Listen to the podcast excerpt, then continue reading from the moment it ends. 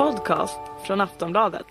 Ni känner dem kanske som nationens allra främsta fotbollsjournalister, men för oss är de eh, två av våra allra bästa kulturskribenter. För varje gång vi får chans att och, eh, publicera Simon Bank och Johanna Frändén på kultursidan så är det något av en fest. Välkomna in Simon Bank och Johanna. Uh, de har mycket gemensamt eh, och de ska prata om allt detta, inte minst fotboll och Frankrike bland annat. Varsågoda, säg ner. Åh tack. Fotboll, Frankrike och fascism. Allitteration som alla bra, alla bra rubriker. Så är det. Alltså jag sitter ju som någon sorts bollplanksfunktionen här som ska intervjua Johanna Frändén och det tänkte jag göra för att jag har en lista hemma på 93 punkter som gör Johanna Frandén unik eh, och den som gör att hon är speciellt relevant just i den här kontexten är att hon, till skillnad från nästan alla andra i, i min bransch, det vill säga sportjournalistiksbranschen, eh, lever och verkar i de miljöer som, som vi skriver om. Eh, de flesta av oss andra gör små, små besök och nedslag i, i Europa, i Frankrike, Italien, Spanien. Eh, det här är länder som Johanna har bott i, som hon har verkat i och som hon känner och kan inifrån eh, och utifrån. Eh, talar språket, kan de kulturella koderna, kan det politiska klimatet och så vidare. Eh, och det är väldigt speciellt. Och det som vi ska prata om här eh, är väl grundtanken i alla fall, det landet och den staden som Johanna bor i nu, det vill säga eh, Paris och Frankrike. Eh, och vi är ju frankofila båda två.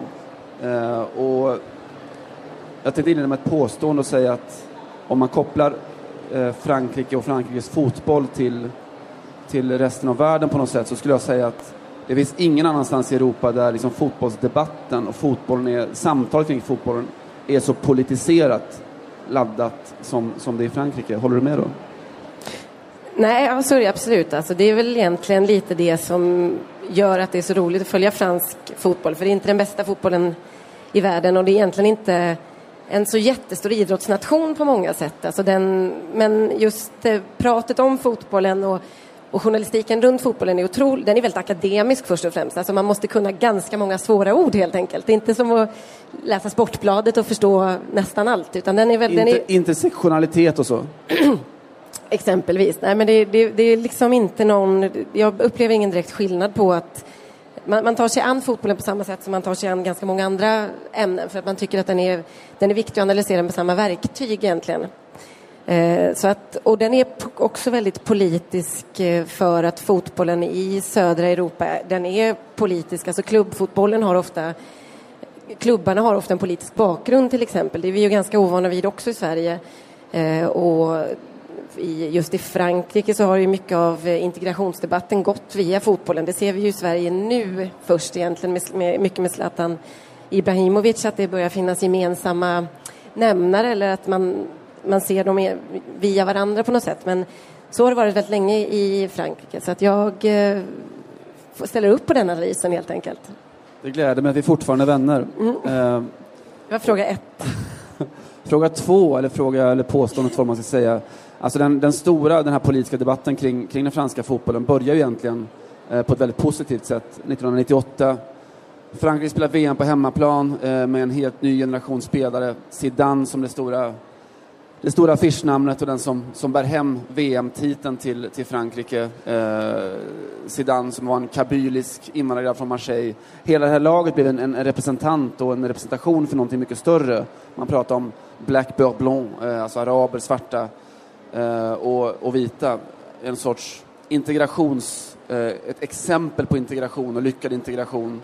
Och det där presenterades ju då som en silverkula mot alla former av fascism och rasism. Att titta, vi har ett fotbollslandslag som är bäst i världen, fullt av invandrargrabbar. Alltså är Frankrike ett progressivt, öppet, humanistiskt land. Eh, så gick tongångarna 1998. Eh, och så går de inte längre. Var, var analysen 98 helt fel eller har, har Frankrike förändrats på något sätt sedan dess? Nej, alltså, den analysen var väl kanske, den var nog rätt då. Det man inte riktigt kalkylerade med och det man inte kalkylerar med egentligen i Sverige heller när man pratar om Zlatan som en, en förebild för unga invandrarkillar, det är att man lägger ett otroligt ansvar på den, de här individerna. Det är att de alltid måste sköta sig i princip, eller att allt att man måste vara en förebild och det är inte, när det inte är fallet, alltså när ett landslag faller ihop som Frankrike faktiskt gjorde under 2010 under fotbolls-VM och det blev, var otroligt mycket eh, intriger och skandaler och konflikter och, och, de flesta spelarna, det var en spelarstrejk och de åkte hem och skäm, de skämde ut sig helt enkelt. Då, då, blir ju liksom, på något sätt så, så får man ju då stå för allt det, alltså då blir etniciteten eh, får, får, stå för allt det dåliga på något sätt och blir förklaringen till det. Lika mycket som, som det var framgångsfaktorn 98 och 2000 så blev det väldigt, väldigt lätt då att tala om för alla de som hade lyft det här integrationsprojektet som, som eh, fransk landslagsfotboll var. Tala om för dem att ja, men här ser ni hur det gick. Det höll ett tag, men de kunde ju inte hålla sams. Och, så att det, det, fick väldigt motsatt effekt och blev eh, tyvärr ett politiskt verktyg för eh, extremhögern till exempel i Frankrike. Redan då på 98 så, så sa ju Jean-Marie Le Pen var det ju då den, den äldre, hans dotter har ju tagit över det partiet nu. Eh, han sa ju att det här känns inte som mitt landslag, det här är inte ett franskt landslag. Så att tongångarna fanns ju då också men då var ju de löjliga som uttryckte sig på det sättet. Alltså det, var ju, det var ju förlorarna som sa så. De, de hade ju alla bevis mot sig egentligen. Och så är det inte riktigt nu, eller så har det inte varit de senaste åren. Sen får man ju inte glömma att i Paris så, alltså förorterna brann ju eh, fem år efter det här, sex, sju år kanske efter det här VM-guldet och EM-guldet. Så att det var, det var nog ganska mycket kosmetika runt det där. Det var en, en, en fin idé och många var väldigt nöjda och glada och sträckte säkert på sig att när de hade algerisk bakgrund eller tunisisk eller eh, många andra afrikanska länder då, som de här spelarna kom ifrån. Men i slutändan så, så blev det inte ens ett nollsummespel utan jag skulle säga att det slog tillbaka mycket hårdare mot, eh, mot integrationsförespråkarna eh, inom fransk fotboll för att de fick ta lite grann skulden, de här killarna, för, för det som hänt sen då. Det finns en sån högerfilosof, eh, på gräns till fascistisk filosof, men som ändå får, får stort utrymme i Frankrike, som heter Alain Finkielkraut, eh, som summerar just det du är inne på. Han sa att eh, Zidane-generationen lät oss drömma, gangstergenerationen vill vi bara spy på. Eh, och det var det, de sakerna som hände med, med, hela den franska fotbollen i samband med det här som du pratar om, kriget i förorterna. Man pratar om en, en gangstergeneration, eh, in, unga invandrargrabbar som inte liksom visste hur man skulle bete sig, upplevde man. Och, eh, man döpte det Frank till Nick Tamer-generationen. Alltså, eh, du kan översätta. Nej, du tar den. Eh, Johannas föräldrar här, så hon vågar inte det. Alltså, eh, motherfucker-generationen som man så, säger i, i England. Då. Eh, och allt det där eh, eskalerar ju på något sätt alltså fram till slutpunkten under VM 2010 när det råder inbördeskrig i det franska, den franska VM-truppen. Man vägrar att träna under, under pågående VM och eh, flera spelare liksom skickas hem till regelrätta förhör med regeringen. Och det där lyftes ju alltid som ett krig mellan då de städade, eh, vita, ordnade pojkarna i laget som, eh, från en viss socialgrupp eh, och de är liksom ore, oregerliga gangstergrabbarna från förorten med förortsbakgrunden och så. Det där är ju ett väldigt bra också exempel på just, just hur politisk fotbollen är, eller idrotten. För att det är alltid så att idrottsministern kommer, är den första tillkallad liksom när det, blir, eh, när det uppdagas skandaler eller när, ja, när, när det är bråk inom fransk fotboll. Det var ju till exempel väldigt mycket prat om den här eh, förmögenhetsskatten som de har introducerat och den nya socialistregeringen som skulle drabba fotbollen till exempel. Ganska, den, alltså alla företag då som känner, eller omsätter en viss summa pengar, bland annat väldigt många fotbollsklubbar, bland annat PSG då, Zlatans klubb. Eh, och då blir det genast Ja, då höll ju helt enkelt eh, Hollande, presidenten, han öppnade liksom sin dörr och höll ett eh, möte i tre timmar tror jag med de franska fotbollsklubbarna. Och då, han hade lite annat att stå i kan man säga då, men det är ändå så pass viktigt så att man förstår att den, den debatten måste man ta och den, Eh, den delen av samhället har, har ganska mycket makt och är, är den som många på något sätt eh, sig på, alltså klubbarna helt enkelt och fotbollsklubbarna. Så att det visar också, tycker jag, hur, hur mycket man tar fotbollen på allvar. Just att det alltid är politiker som kallas in som nummer två. Först är det tränaren som skäller ut laget och sen är idrottsministern där. Och, och idrottsministern är en ganska prestigefull post eh, i den franska regeringen. Carry on. You know it. Uh, men det som jag är nyfiken på, för efter då, i svallvågorna efter VM 2010 så det kom alltså i princip en bok i veckan i Frankrike som behandlar just den här eh, skandalen i Knissna nere, nere, nere i Sydafrika. Eh, slutpunkten nåddes väl kanske med boken eh, Det här landet som inte älskar fotboll. Man redde ut hur kom det sig att det här komplicerade förhållningssättet som fransmännen har till sin fotboll. Man kan ju konstatera utan vidare att det var ett trauma det som hände där. Eh, och det som jag är nyfiken på liksom, är dels hur det traumat fortfarande lever kvar, hur du upplever det, och sen hur mycket är fotbollen höna och hur mycket är fotbollen ägg i den liksom, kontexten? Är det så att, att landslaget bara blev en bild av något som redan fanns i samhället eller var det till och med så att, att fotbollen på något sätt tryckte på en utveckling som var, låg i sin, sin linda på något sätt? Alltså det, är, det är väldigt lätt, det är alltid väldigt lätt i efterhand att se mönster. Så är det ju. Nu, nu är ju till exempel hela den här som sagt, integrationsdebatten kring fotbollen har ju, har ju vänt och eh, Front National, det högerextrema partiet i Frankrike, hade ju otroliga framgångar i EU-valet här i våras. Och eh, det, det, genomfördes ju samtidigt som lokalval, så då, där de fick flera borgmästarposter helt enkelt. I, de blev största parti då i ganska många eh, kommuner runt om i, framförallt i södra Frankrike. Men det är klart att man kan se alltså pendeln har ju svängt eh, som vanligt brukar vi säga då att först i fotbollen och sen kommer politiken. Det är ju lite min och Simons eh, käpphäst så att det ofta är så det sker och det, det har det ju verkligen gjort här.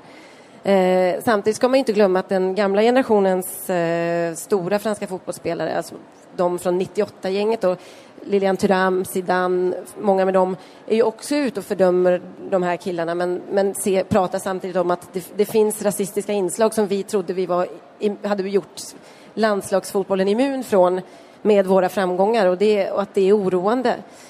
Ehm, jag, jag, tror att det är en viss svängning i hela det franska samhället men debatt, den här debatten om att, att de unga förortskillarna är gangstrar är ju väldigt den, har fun- den fanns då också. Den, den, den, kan du, den är ganska rumsren att ta faktiskt. Det är liksom ord som gangster eller rackaj som man säger på franska. Det, det är det, slödder kan man säga i princip och det använder folk eh, ganska otvunget i, eh, när man pratar om de här områdena och om de här unga männen. Så att det var väl aldrig riktigt så att man inte att man slutade prata om eh, integrationen som ett problem, för det, det, har alltid folk gjort i Frankrike, utan det var nog en, några års hopp kanske som eh, försvann efter, eh, ja, efter att det brann i förorten och det som har hänt sen, skulle jag säga, med det franska landslaget just. Alltså det är intressant, du tar upp eh, saker som händer i Paris och debatten kring, kring förorterna och så. Eh, när du pratar om slödder så, alltså, om man ska lyfta fram två av de absolut viktigaste företrädarna för hela det här nya Paris Saint-Germain-projektet som det ser ut idag, Laurent Blanc å ena sidan, förre presidenten Sarkozy å andra sidan. Sarkozy var ju han som pratade om att man borde ut i förorterna och rensa upp med högtryckstvätt när, när, när bilarna brann. Alltså ett, ett, språkbruk som säger oerhört mycket om, eh, om liksom en, en, en, klyfta och ett sätt att se på människor som är ganska otäckt. Eh, Laurent Blanc, eh, som är tränare i PSG nu, som var under sin tid som förbundskapten 2011, tror jag, så var han inblandad i en skandal som, som avslöjades av en, en vänstertidning i Frankrike där han i samtal med, med en, alltså en diskussion kring akademiernas framtid, fotbollsutbildningens framtid i, Frankrike, eh, tryckte på att man borde liksom kvotera, ha en omvänd kvotering, att det var för mycket ungdomar, alltså 12-13-åringar med arabisk eh, bakgrund eller med, som var svarta. Att man var tvungen att göra någonting åt det där. Att I Spanien har man inte det där problemet med svarta. Han formulerar, formulerar sig den, den sortens, sortens termer på något sätt. Eh, och, och, båda de här är alltså inblandade då i det, det nya, det nya Parisprojektet. Eh, och vad är det egentligen som, alltså, hur skulle du beskriva liksom, den relationen som, som Paris Saint-Germain har idag till, till det övriga Paris? Den, den, är inte helt eh, självklar. Alltså PSG var ju ingen klubb som inte många parisare ville befatta sig med i alla fall för att det var en otroligt bråkig klubb och de hade extrema problem med eh, supportervåld och egentligen kanske, kanske mer än någon annan västeuropeisk klubb faktiskt. Det, vi, det gick lite under radarn i Sverige för vi har inte pratat så mycket om fransk fotboll men det var ju det var ju mord och dråp och det var otroligt mycket slagsmål och, och vapen och sådär. Det, det var egentligen så ända fram tills eh, det här nya, de här nya ägarna då som, som började med att liksom rensa upp. De kom ju från Qatar ända tills de kom in egentligen och köpte Zlatan till exempel. Och nu, nu har ju PSG fått ett ansiktslyft men tappat väldigt många av sina ursprungssupportrar. Jag har haft jättemycket kontakt med dem. Man, man började med, eller började med, men ett steg i det här var att förbjuda eh, supporterorganisationer helt enkelt. Vilket ju rimligtvis är, strider mot grundlagen för att det är ju strider mot föreningsfriheten egentligen och det där debatterar man ju väldigt mycket i Frankrike och även de här eh, väldigt hårdnackade och potentiellt ganska våldsamma supportrarna som jag har pratat mycket med är, är otroligt pålästa kring det här och tycker att de har fått liksom sina rättigheter kränkta. Och, och har också, det här är också intressant med Frankrike, att de, även den delen är med i debatten och har, väl, har ett väldigt avancerat språk och pratar mycket liksom om att det, det, kan låta så när man intervjuar dem att de här absolut hårdaste killarna, det är nästan bara män som är otroligt muskliga och man känner att är, man träffar dem gärna på öppen plats men absolut ingen annanstans. Och då säger de ofta sådär att ja, men du förstår att vi har ju pratat med sociologer, jag har varit i, i kontakt med filosofer och alla är överens om att det här är liksom en, eh, att vi, de kränker våra rättigheter. Och det här, är ju, det här är ju ett sätt att prata om fotboll som inte supportrar eller supporterkulturen i Sverige någonsin har, har haft. Alltså det är ett otroligt intellektuellt samtal från båda håll. Det är väldigt spännande att följa av den anledningen. Men eh, de, de, har försvunnit från klubben och känner inte igen sig i den här väldigt välpolerade Qatar-styrda klubben längre. Jag tror att även om en, en, spelare som Zlatan till exempel är väldigt populär i alla läger, alltså alla älskar honom, kanske för att han har den bakgrund han har också. Jag tror att det är många av dem som känner att om det är något Zlatan egentligen representerar så är det ju ändå, eh, ja, han kommer från gettot som vi från början lite grann eller så. Men de allra flesta av, av, i det gamla gänget har, har försvunnit och eh, det är också en, en, ganska intressant arkitektur eh, runt eh, det här hur man bygger om arenan med fler VIP-lounger, alltså det ska komma mer, man ska dra dit mycket lyxklientel helt enkelt. Eh, jag, jag, känner också många som har hållit på PSG länge som tycker att det faktiskt är ganska roligt nu för en gångs skull så förlorar de inte hela tiden. Man kan vara lite stolt, man åker utomlands och folk vet liksom vilken ens klubb är och så. Så att det är inte svart och vitt men det är klart att generellt skulle jag säga att, eh, och det låter ju otroligt klyschigt men det är ju det är en klubb som har tappat sin själ mycket snabbare än någon annan i, i, i de senaste tio åren. den här utvecklingen har ju funnits i, i Premier League framför allt i att det har kommit in eh, ägare från Arabemiraten och sånt där men då har det ändå varit en lite långsammare utveckling och kanske lite mer grundad supporterbas. Här har man ju verkligen alltså bokstavligt talat kört ut de gamla så att det är problematiskt och det är också det, där öppnas ju också diskussionen om är det här ens en fransk klubb? För det är inte så mycket det är inte så mycket franska alltså det är inte så mycket etniska franska spelare kvar till exempel och så. Eh, så visst, är det, det, det, den debatten har vi hela tiden i, i Paris, så är det man har debatten. Alltså vi valde att sitta ner och prata här som en hommage lite grann till det franska debattklimatet. Det finns tre stycken stora sådana franska nationalsporter. Det är cykelsporten, det är att strejka och sedan att ta debatten. Det är det enda man gör hela tiden. I och Sverige, man sitter alltid ner. Man sitter alltid mm. ner. Uh, och I Sverige så pratar man alltid om det här, alltså inte minst liksom i, i samband med, med de fascistiska höger, högervindarna som har blåst, att behovet av att ta debatten. I Frankrike så, som sagt, så de gör inget annat än att ta debatten timma ut och timma in, soffa ut och soffa in. Det är filosofer, politiker, humanister, akademiker, politiker, alltså alla, alla står och tar debatten. Eh, och jag ska inte be det vara valanalytiker och så, men, men eh, vad, hur kan det komma sig i ett land som är så grundmurat intellektuellt då, så starkt när man hela tiden pratar om de här frågorna? Att Front National kan ha liksom 25 procent ute i landet, att de kan ta över Marseille. Eh, ja, inte Paris i samma, samma omfattning såklart, men hur kan det komma sig? Ja, det är ju, det är ju 10 000 kronors frågan helt enkelt. Eh, det är också väldigt svårt, lite som du säger, bor man i Paris så är det lite svårt att, att förstå det, för Paris är ju ett klassiskt vänsterfäste, eller har varit nu, och, och fortsatt socialistiskt faktiskt efter eh, det senaste valet. Men, men man, man använder, alltså Paris är ju det vad vi skulle kalla ett hipsterfäste lite grann. Bobo säger man, alltså, bourgeois, alltså man är, man är borgerligt bohem helt enkelt, eller borgerligt bohemisk, alltså att man eh, tjänar ganska mycket, mycket pengar men koketterar gärna lite med att man är lite vänster och sådär. Så att eh, de är inte så särskilt starka just i Paris, men det är inte så svårt att se när man reser runt, det vet ju du också, när man reser runt i, i Frankrike så är det så många andra länder, alltså det är ju det är avbefolkade orter, det är industrier som stänger och det, det är ju inte det är kanske inte lika lätt att se att det bara finns den kopplingen. Det är ganska regionalt också, eller geografiskt i Frankrike. Det är mycket södra Frankrike som de har stora framgångar och det är inte, inte just i orter med, med mycket invandring eller så. Men äh, någonstans så, är, så, tror jag att, äh, att mönstren är ganska så lika. Alltså det, det är ju mycket, det är mycket orter med, med arbetslöshet och det är mycket det är väl också, tror jag, ett sätt att... äh, alltså det, det är okej också att rösta lite grann på det här partiet för att de har genomgått ett stålbad, eller man ska säga. Alltså de, alla de här skandalerna som vi ser nu med Sverigedemokraterna har fanns på 90-talet i, i, från National. Då vann de ju ganska många, stor politisk makt och, och många kommuner och så. Och det var otroligt mycket skandaler, det var korruption framför allt och de fick liksom avgå på väldigt många ställen. Men nu när då Marine Le Pen har tagit över som är kvinna först och främst, som har ju gjort att det är ju ett, ett parti som tilltalar kvinnor faktiskt på ett annat sätt än, än många andra högerextrema partier gör.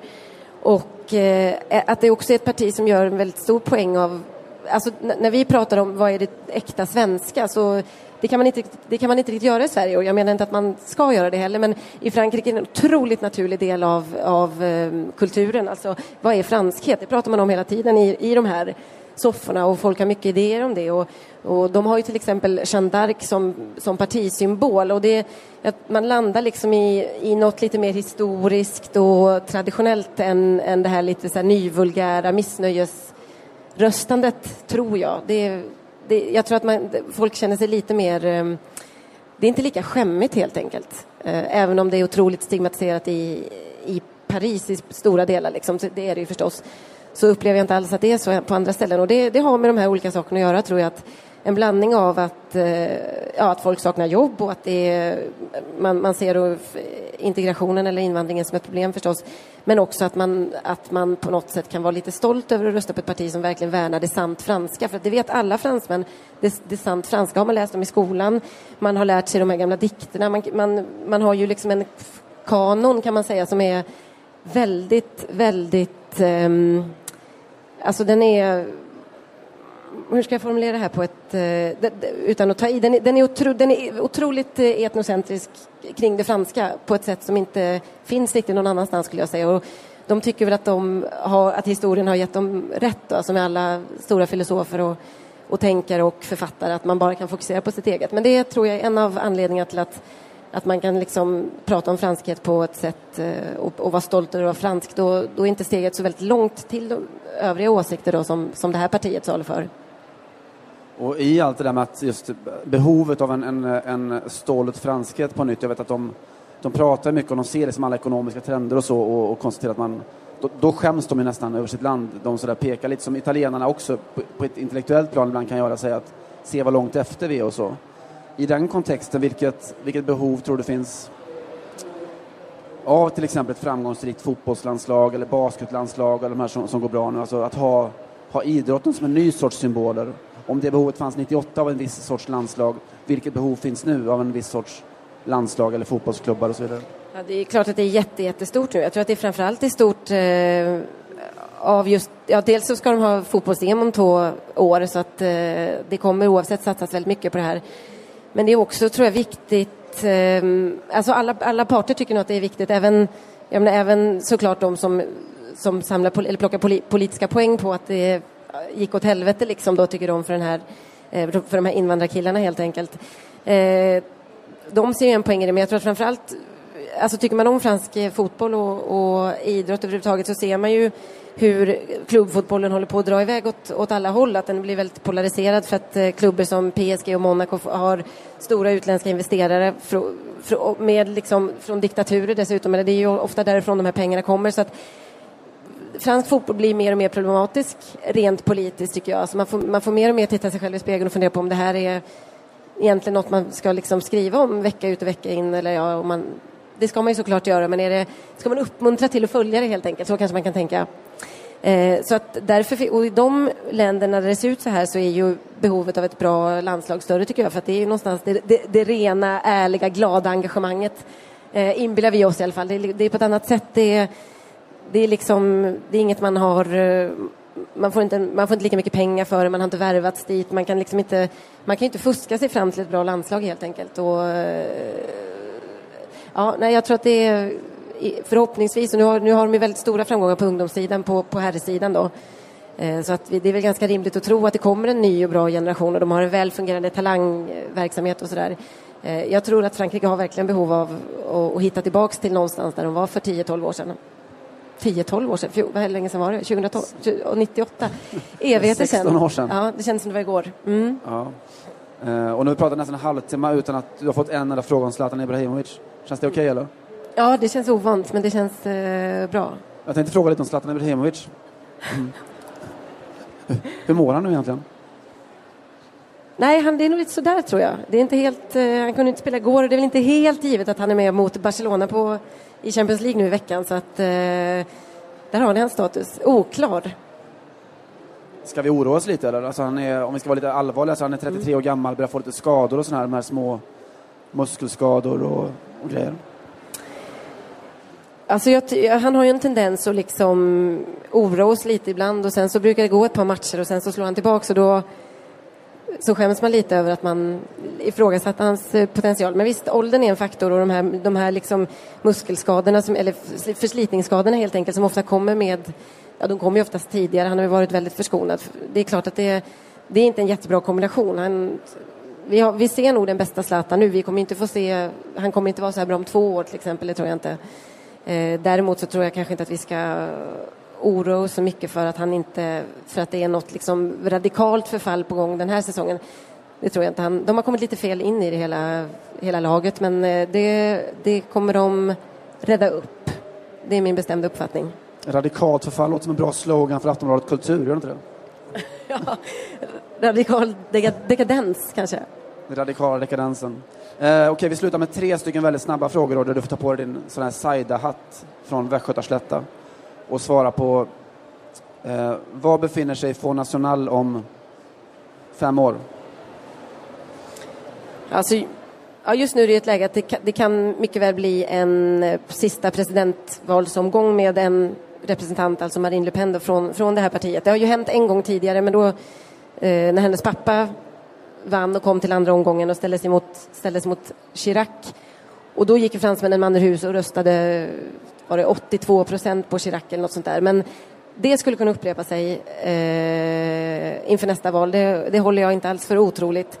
Och eh, ja, ska, ska Frankrikes första kvinnliga president vara en högerextrem? Jag, jag vågar liksom inte ta gift på att det inte blir så. Det är en väldigt knepig situation så att eh, det, jag tror att vi får nog se att de är väldigt mycket här för att stanna och ett väldigt etablerat parti nu för tiden.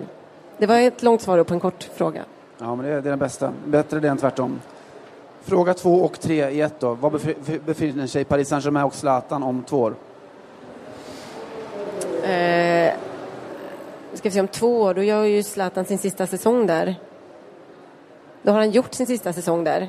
Och det har han ju krönt med ett inhopp i Champions League-finalen där han har assisterat fram till avgörande målet, eller?